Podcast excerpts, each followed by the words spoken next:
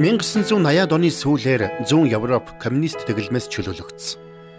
Үүний үр дүнд мянга мянган хүн эрх чөлөөг эрэлхийлэн баруунд ирсэн байдаг. Тэр хүмүүсийн зарим нь улс төрийн эрх чөлөөг эрэлхийлж байсан бол зарим нь нийгмийн эрх чөлөөг эрэлхийлж байсан юм. Тэгвэл өнөөдөр хүн төрлөختөн бүхлээрээ үүнээс ч илүү дарлал боолчлолын дор амьдарч байна. Энэ бол гим нүглийн боолчлол юм. Доктор Чарлз Стенлийн Библийн цаврал хичээлээр бэлтгэн хүргэдэг хамтдаа нэвтрүүлгийн энэ удаагийн дугаар эхэлж байна.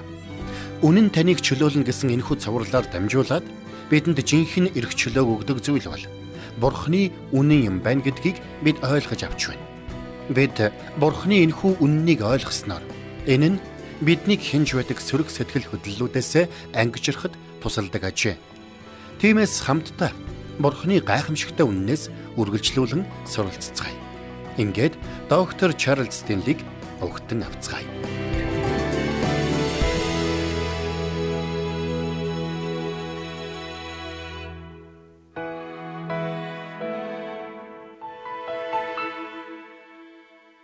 Хамтдаа Иохны 8 дугаар бүлгийг гаргаад харъя.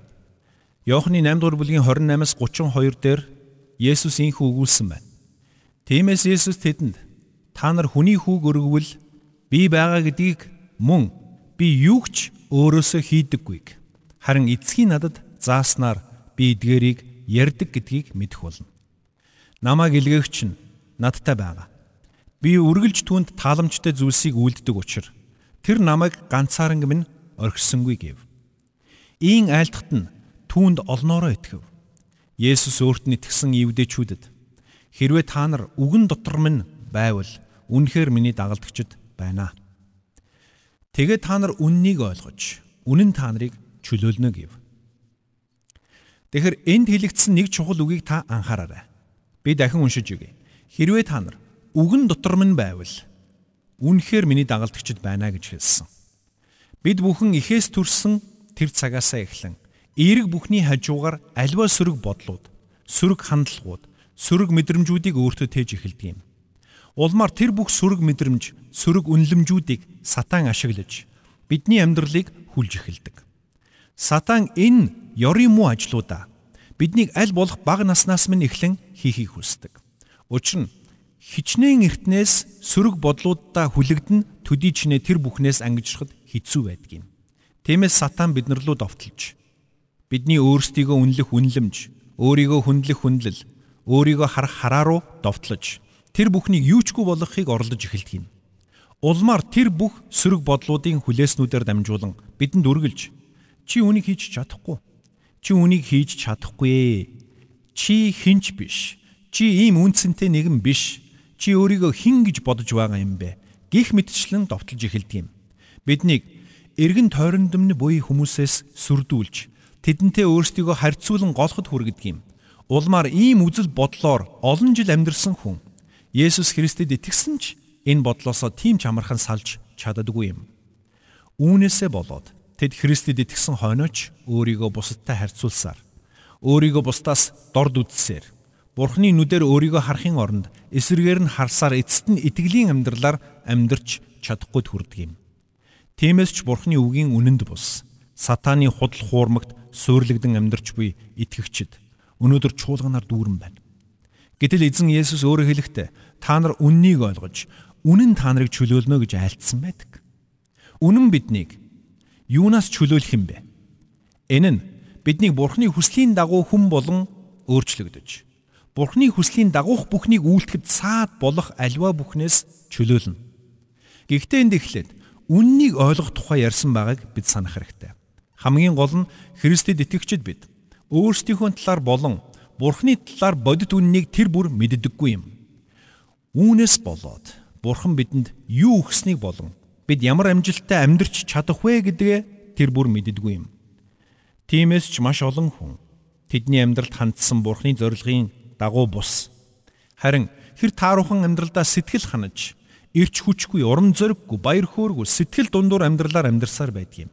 Харин Есүс бидэнд хэлэхдээ та нар үннийг ойлгож тэр үнэн чинь та нарыг гинжилж буй альва хүлээснээс та нарыг чөлөөлнө гэж айлтсан. Тэгвэл тэр үнэн яг ямар үнэ юм бэ? Юуны түрүүнд энэ бол бидний байр суурьтай холбоотой үнэн. Байр суурийн хувьд бид Есүс Христийн дотор, Есүс бидний дотор байгаа гэдгийг ойлгоорой. Амун хоёрдугаарт бидний ойлгох ёстой чухал үнэн бол бид жухам Христийн дотор хин бэ гэсэн ойлголттой холбоотой юм. Тэгвэл бид Христийн дотор хин бэ?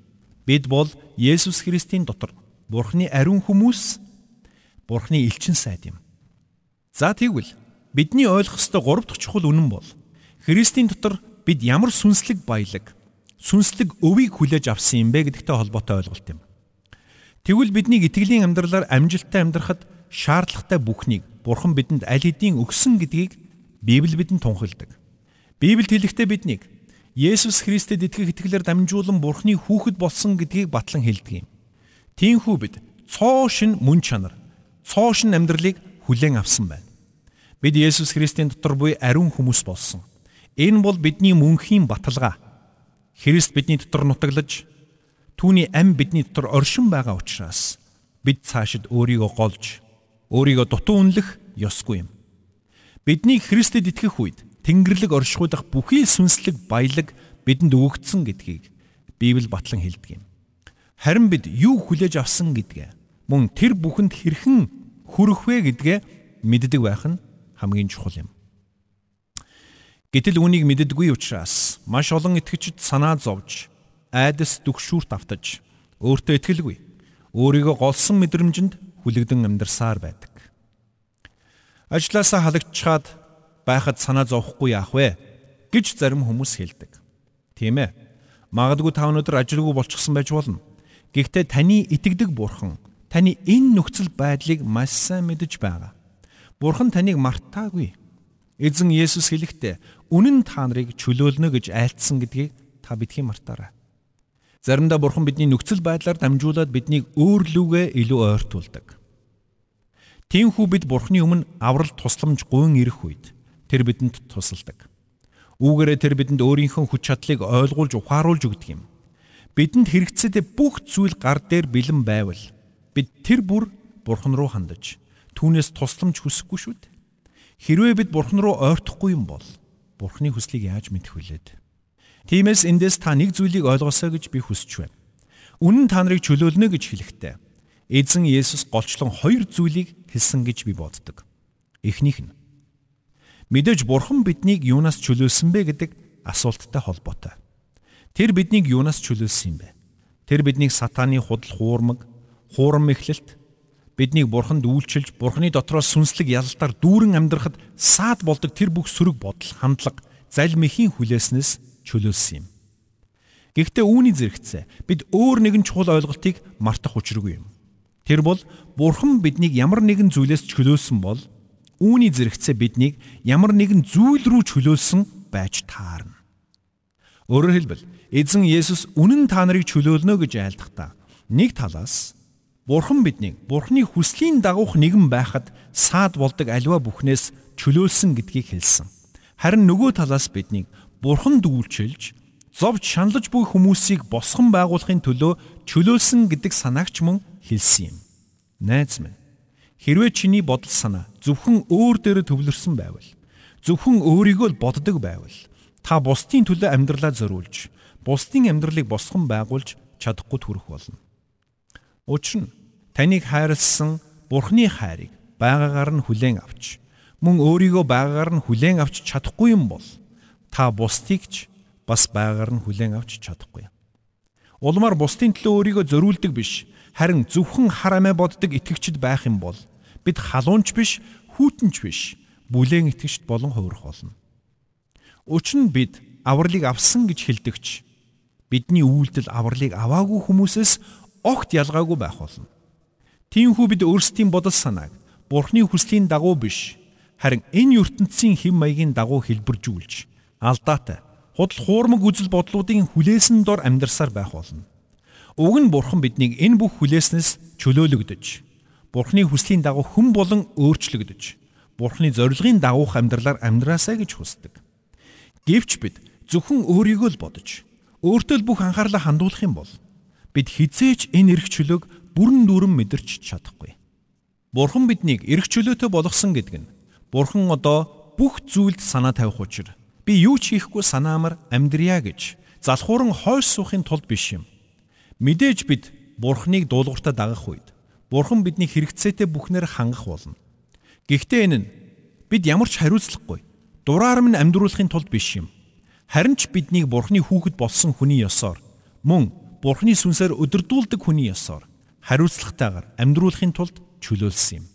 Ингэхдээ бид дутагдж, гачигдж, зовж, шаналж байгаа тэр бүх хүмүүст үйлчилж тэдэнд өөрсдийгөө зориулах учиртай юм. Тиймээс Бурхан биднийг яг юунаас чөлөөлсөн бэ гэдгийг ойлгохын зэрэгцээ. Мөн яг юу руу чөлөөлсөн бэ гэдгийг ухаарах нь маш чухал юм. Үүнийг ойлгохгүй юм бол бидний эрх чөлөөний тухай ойлголт маш өрөөсгөл байх болно.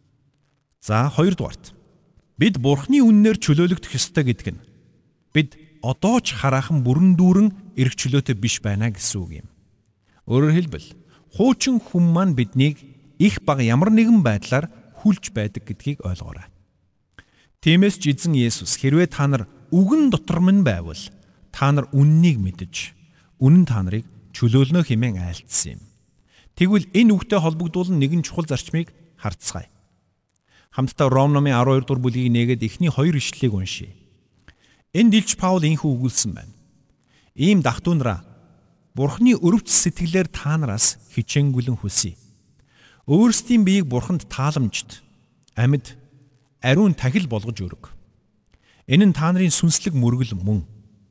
Энэ үеийн явдалд нийцэлгүй харин оюун санааныхаа шинтгэлээр өөрчлөгдөж байх тун. Тэгвэл Бурхны сайн тааламжт төгс төгөлдөр таалал юу болохыг таних болно гэсэн. Бидний Бурхны хүсэл таалал хизээд сайн тааламжт төгс төгөлдөр байдаг гэдгийг бид ойлгох хэрэгтэй. Гэвч заримдаа бид үүнд эргэлздэг. Заримдаа Бурхны хүсэл таалал бидний төлөвлөгөөнд нийцэхгүй байгаа юм шиг бидэнд санагддаг. Тэгвэл Христэд итгэгчид бид өөрсдийгөө Бурханаас авралыг хүлээж авсан гэдгээ хэрхэн мэдэж, хэрхэн эрх чөлөөг хүлээн авч хэрхэн тэрхүү эрх чөлөөндөө нийцсэн амьдралаар амьдрах вэ? Энэ чухал зарчмыг би танд хэлж өгье. Саяын үнсэн хэсгээс би танд гурван чухал үгийг сануулмаар байна. Ромын 12-ын 2 дээр Паул хэлэхдээ Юуны өмнө энэ үеийн явдалд нийцэлгүй гэсэн байгаа. Энд гарч байгаа нийцэлгүй гэсэн үг нь грек хэлээр нийлхээ зогсоо гэсэн утгатай үг юм. Өөрөөр хэлбэл энэ үеийн явдалд нийцэж, энэ үеийн хэв маягт уусаж нэгтгэхээ зогсоо гэж хэлж байгаа юм. Учир нь бид энэ үеийн явдал, энэ үеийн амьдралын хэм маягт нийцсэн амьдрах нь бидний дотоод мөн чанартай нийцэхгүй юм. Өмнө бид энэ үеийн хүмүүстэй адилхан амьдарч байсан. Гэвч Есүс Христэд итгэсэн тэр мөчөөс эхлэн бид дахин турж Есүс Христ бидний дотор нутгалсан. Гэвч бид энэ үеийн явдалтай нийцсэн амьдарч энэ үеийн амьдралынхаа хэм маягийг дагаж эхлэх юм бол бид яг л хуучин ямар байсан түүнтэйг адилхан харагдах болно. Энэ нь бидний Есүс Христийн дотор буй бидний цоо шин мөн чанартай огтхон ч нийцэхгүй юм. Учир нь би өмнө хэлсэнчлэн бид Есүс Христийн дотор шин бүтээлүүд болсон юм. Тиймээс бидний анхааран харах учиртай хоёр дахь чухал үг бол оюун санааныхаа шинтгэлээр өөрчлөгдөж байх тун гэсэн үг байгаа юм. Энд гарч байгаа өөрчлөгдөх гэсэн грек үг нь метаморфосис гэсэн үг байдаг. Хүр хорхон авгалдаанаас эрвээхэ гарч ирэх үзэгдлийг метаморфоз гэдэг шүү дээ. Тэгвэл Илч Паул бидэнд юуны түрүүнд энэ үеийн явдалтай нийцгээ зогсоо гэж хэлсэн байна. Энэ нь бид өөрсдийн дотоод мөн чанартай үл нийцэх амьдралын хэм маягаар амьдрахаа зогсоох ёстой гэсэн үг юм. Харин тэрээр үргэлжлүүлээд метаморфосис буюу өөрчлөгдөх түн хэмээн хэлсэн байна. Өөрөөр хэлбэл бидний гадаад байдал буюу амьдралын хэв маяг бидний дотоод мөн чанарын дагуу өөрчлөгдөх ёстой гэсэн үг юм. Тэгвэл бид үүнийг хэрхэн хийх вэ? Оюун санаагаа шинчилснээр. Эндээс би таныг нэг зүйлийг сайтар анзаараасай гэж хүсэж байна. Үнэн биднийг хэрхэн чөлөөлдөг юм бэ? Үнэн бидний дотор метаморфосис буюу өөрчлөлтийн үйл явцыг эхлүүлснээр биднийг өөрчилдөг юм. Ингэхдээ тэр үнэн бидний оюун санааг шинчилж байдаг юм. Тиймээс Илч Паул оюун санааны шинчиллээр өөрчлөгдөх түн хэмээн тушаасан юм. Учир нь бид оюун санаагаа Бурхны үнний дагуу өөрчлөн шинжлэх үед бидний гадаад байдал, бидний амьдралын хэв маягч мөн бидний дотоод хүний дагуу өөрчлөгдөн шинжлэгдэж байдаг юм. Тиймээс ч бидний дотор нутгалсан Есүс Христ биднийг өөртөө адил болгон өөрчлөхөөр урдаас тогтоосон гэдгээ хэлсэн юм. Тэгвэл энэ хэсгээс үзвэл бидний бодол санаа, бидний амьдралд Бурхны үг байхгүй бол бид хүлээснээсээ ангижирч чадахгүй гэсэн үг. Бид хүлээсэн дотор амьдарсаар мөнхийн улс руу явна гэсэн үг юм. Айдас төгшүүр, санаа зовнил, өөрийгөө голох мэдрэмж, өөрийгөө дорд үзэх үзлүүдэд хүлэгдэн явсаар амьдралыг варна гэсэн үг. Гэтэл Бурхан биднийг ингэж амьдраасаа гэж хүсдэггүй. Учир нь бид сайн үйлсийн төлөө Христ Есүс дотор бүтээгдсэн шин бүтээлүүд. Бурхан биднийг аварсан биднэр дамжуулан өөрийн агуу зорилгыг гүйцэлдүүлэхийн тулд юм. Энэ бол дэлхийд даяар Есүс Христийн сайн мэдээний үннийг тунхаглах явдал юм. Гэтэл бид хүлээс дор амьдарсаар байвал яах вэ? Хэдийгээр бидний нэр хурганы амийн номонд бичигдэж бид мөнхийн амийг авсан байж болох ч Бурхны зорилгын төлөө хэрэглэгдэх боломжгүй болох болно. Хэрвээ бид амьдралынхаа он жилүүдийг өөрөө өөрийнхөө учрыг олох гэж бүдэлсаар өөрийгөө голж, өөрийгөө чамлсаар өнгөрүүлэх юм бол Бурхнаар хэрэглэгдэх боломжгүйд хүрэх болно. Тэгвэл оюун санаагаа шинжлэх гэдэг нь яг юу гэсэн үг юм бэ? Энэ нь бид Бурхны үннийг сонсож, хүлээн авч, ойлгож, итгэнэ гэсэн үг. Бид үннийг ойлгож ухаарах тусам энэ нь бидний бодол санааны салшгүй нэг хэсэг болон хувирах болно.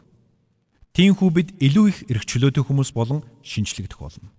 Тэр цагт бид альва үйлсэд хуучин шигэ хандхаа болно гэсэн үг. Өмнө бид худал хуурмаг үзэл бодол, итгэл үнэмшилд хүлэгдэж байсан. Улмаар бид уруу датлаг сорилтоор нүүр тулах үедээ тэр бүхэнд маш амархан автдаг байсан. Харин одоо бид шин бүтээл болсон учраас цаашид ийм байх шаардлагагүй болсон юм. Учир нь Есүс Христэд итгэсэн тэр мөчөд Христ бидний дотор нутгалсан юм а. Тэр биднийг хүлж байсан нүглийн хүлээсийг тас татаж биднийг нүглийн боолчлоос чөлөөлсөн юм. Түүгээр зогсохгүй. Тэр өөрөө бидний дотор нутаглах болсон. Тиймээс бид цаашид өөрсдийнхөөрөө сонголт хийх эрхтэй болсон юм. Энэ эрх чөлөөг дагаж бидэнд бас маш чухал үүрэг хариуцлага ирж байгаа гэдгийг бид ойлгох ёстой. Учир нь өмнө бидэнд сонголт байгаагүй. Бид гим нүглийн хүлээсэн дор ямар ч сонголтгүй амьдарч байсан. Бид гим нүглийн хүчтэй хүлээсийг дагахаас өөр юу ч хийх боломжгүй байсан юм. Харин Есүс Христ бидний амьдралд орж ирсэн учраас бид сонголт хийх эрх чөлөөтэй болсон. Есүс Христийн үннийг бид ухаарах үед тэр үнэн биднийг Христийн дотор хэн болохыг мань ойлгуулдаг юм. Христийн дотор бидэнд юу өгөгдсөн болохыг бидэнд мэдүүлдэг юм. Тиймээс бид сонголт хийх эрх чөлөөтэй болсноо ойлгодог. Улмаар бидний амьдралд уруу татлаг, сорилт тулгарх бүрд бид өмнө хийдэг байсан хариу үйлдэлээсээ тэс өөр Бурхны хүслийн дагуух хариу үйлдэлүүдийг хийх боломжтой болдог. Санаа зовнил, айдас түгшүүр, эргэлзээ тэнэгэлзэлтэй нүүр тулах үед бид Бурхны үнний дагуу сонголтуудыг хийж чаддаг. Гэхдээ энэ бүх сонголтуудыг хийхэд Бурхны ариун сүнс бидэнд тусалдаг гэдгийг бид ойлгох хэрэгтэй. Тиймээс ч Бурхан биднийг ариун сүнсний өдөрдмжийг дуулууртаа даган амьдраасай гэж хүсдэг. Гэвч бид тэр бүр ариун сүнсний өдөрдмжийг дуулууртаа дагаж чаддаггүй. Бид Библийн үннийг тэр бүр сайн мэддэггүй нь үүнд нөлөөлдөг юм. Учир нь заримдаа бид ямар алхам хийх ёстойгоо мэдэхгүй болох үе ирдэг юм. Тэр үед сатан бидний хурам мэхэлж чи үнийг хийж чадахгүй. Чи өөрийгөө мэдэж байгаа үсттэй. Чиний өнгөрсөн амьдрал ямар байсныг чи санаж байгаа үсттэй. Химэн довтолж эхэлдэг. Харин нөгөө талд Бурхны ариун сүнс бидэнд Бурхан чамайг байгаар чинь хүлээж авсан шүү дээ химэн сануулж байдаг. Харин үүнээс болоод бидний дотор зөрчил тэмцэл өрнөж эхэлдэг. Гэхдээ бид Христийн доторх өөрсдийн байр суурийг бүрэн дүүрэн ухаарч Библийн үнэн бидний сүнс санаа бодолд бүрэн дүүрэн нэвчих үед энэ нь Ромын 12 дугаар бүлэгт бичигдсэнчлэн биднийг дотроос маань өөрчлөн шинчилж эхэлдэг юм. Тиймээс бидний хийж буй сонголт, гаргаж буй шийдвэрүүд ч бидний дотоод хүнтэй бүрэн нийцэж эхэлдэг юм. Тиймээс та намайг анхааралтай сонсоорой. Хэрвээ та залуу хүн бол тэр тусмаа анхааралтай сонсоорой. Хэн нэгэн хүн танд Библийг унш. Бурхны үгээс суралц.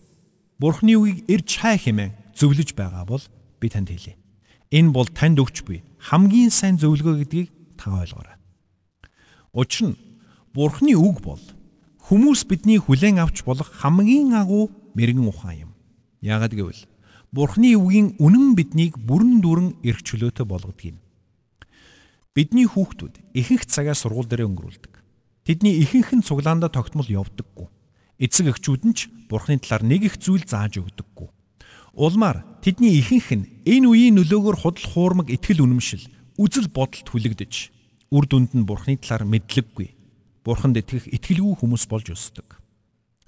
Бурханд итгэсэн ч худал хуурмаг үзэл бодол, итгэл үнэмшлийн хүлээсэнд бат хүлэгдчихсэн байдаг юм.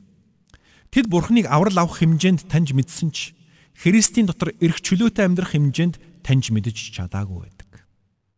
Үүний нэгэн адилаар маш олон итгэвч хүмүүс Христэд итгэж сүм чуулганд хамрагдаж эхэлсэн хэдий тэдэнд ч зааж сургаагүйгээс болоод тэд Бурханаас аврал авсан гэдгээ мэддэг хэдий а тэр аврал дотроо эрх чөлөөтэйгээр хэрхэн амьдрах вэ гэдгээ мэддэггүй юм. Гэтэл бид авралыг аваад зогсох биш. Харин тэндээсээ Бурхныг таньж мэдэх илүү гүн гүнзгий мэдлэг өөд ахих ёстой юм. Жишээ нь хин нэгэн хүн бүх амьдралынхаа туршид Бурхныг мэдэхгүй явсаар 20 30 40 гарсан хойноо Христэд итгэж авралыг авчээ гэж бодъё. Хэрвээ тэр хүн Бурхны үннийг бүрэн дүрэн ойлгож ухаарахгүй юм бол тэр хүн энэ нийгмийнхээ дунд итгэлээс сахин амьдрахад маш хэцүү байх болно. Тийм ч учраас өнөөдөр маш олон итгэгчид Христэд итгэж авралыг авсан атлаа. Огт авралыг аваагүй хүн мэт амьдарсаар байна. Учир нь тэдэнд хинч Христ энэ бүхнээс чамайг чөлөөлсөн гэж үннийг хэлж өгөөгүй байдаг юм. Гэтэл үнэн та нарыг чөлөөлөх болно гэж эзэн Есүс өөрөө айлтсан юм шүү дээ. Тиймхүү үнэн биднийг чөлөөлөх үед сая бид Бурхны хүслийн дагуух хүн болон өөрчлөгдөж бидний амьдралд хандсан бурхны зорилгыг бүрэн дүүрэн гүйцэлдүүлж чаддаг юм. Тиймээс би танд хэлмээр байна. Найз минь, чиний эргэн тойронд маш олон ном, маш олон сонин сэтгүүл байж болно. Гэхдээ тэр бүхнээс илүү чиний амьдралд тус болж чадах ном бол Библи юм шүү. Хэрвээ та өнөөдөр Библиэс илүү өөр бусад номнуудад анхаарлаа хандуулж байгаа бол та амьдрал чинь юу хамгийн чухал болохыг хараахан ойлгоогүй байна гэсэн үг. Өнөөдөр итгэжтийн гар дээр Библи нь маш олон төрлөөрөө байгаа хэдий ч Библиэ тэр бүр уншихгүй судлахгүй байгаа нь маш олон асуудлуудын эхлэл болдгийм. Үнэн дээр итгэгч бид Библиэ үргэлж уншиж, хуудсуудыг нь хуучирч, урагттал эргүүлдэг байх учиртай юм. Магадгүй та манай нэвтрүүлэг таныг эрх чөлөөтэй болгоно гэж бодож байж болох юм. Тийм биш ээ. Бид зөвхөн Библийн үг рүү л таныг хандуулж чадна. Харин тэр үгийг та өөрөө уншиж, өөрөө ойлгож байж сая Христийн амласан тэрхүү эрх чөлөөг хүлээн авах болно. Тиймээс та өнөөдөр Библиэнийгэд уншаарай. Ингэхдээ Бурхны өмнө толгоо гудаалган эзэн минь өнөөдөр Бурхны нэгүслэр ариун сүнсний хүч чадлаар алхаж үр жимсээр дүүрэн амьдрахад минь туслах тэр үгийг надад ойлгуулан ухааруулж өгөөч хэмээн залбираарай. Тиймээс бид Бурхны үгийг уншиж Бурхны үннээр чөлөөлөгдөх үед Бидний өөрсдийн амьдрал үр жимсээр дүүрэн болоод зогсохгүй. Бид бусдын амьдралд ч хүрч тэдний амьдралд Бурхны хүслийн дагуу нөлөөлөх болно. Эзэн Есүс өөрөө айлтгата үнэн та нарыг чөлөөлнө гэсэн юм. Тиймээс бид Бурхны үннийг таньж мэдэн эрх чөлөөг хүлээн аваад зогсохгүй. Энэ үннийг дэлхий даяар тунхаглаж бусдыг ч мөн эрх чөлөөрөө хөтлөн дагуулах учиртай юм шүү. Бид нүглийн хүчнээс чөлөөлөгдсөн бол бусдыг ч бас эрх чөлөөтэй болгохын тулд хичээх учиртай. Тиймээс доктор Стенли биднийг эргэн тойрондоо буй хүмүүст Есүс Христийн үннийг тусхан харуулсан амьдралаар амьдрахыг уриалж байна. Учир нь бид ийхүү амьдрах үед хүн төрлөختнийг чөлөөлөх Бурхны агуу үннийг хуваалцахад Бурхнаар хэрэглэгдэх болно. 2 дугаар Коринт 4 дугаар бүлэгт Илч Паул бидэнд Иймээс бид Христийн төлөөх элчин сайд юм. Бурхан биднээр дамжуулан ятгах байгаачлан Христийн төлөө та нараас бид гоё. Бурхантай эвлэрцгээ. Нүглийг үл мэдгч түүнийг бидний төлөө тэрээр нүгэл болгосны учир түүний дотор бид Бурханы зөвхт байдал болох юм гэсэн байдаг. Үнэхээр бид Христэд итгэх үед тэр бидний буруутгалыг үрд зайлуулдаг. Тэр биднийг уучлж бидэнтэй үргэлж хамт байдаг гэдгийг санах үед бид амьдралдаа тулгарсан ямар ч сорилт, уруу татлага, саад бэрхшээлийг даван гарч чаднаа.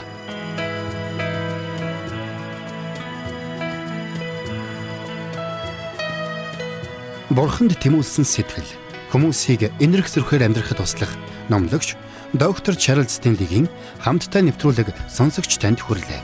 Нэвтрүүлгийг дахин сонсохыг хүсвэл ихтгэл радиоцик.com-оор зочлоорой. Бидэнтэй холбогдохыг хүсвэл 8085 99 тэгтэг дугаард хандаарай.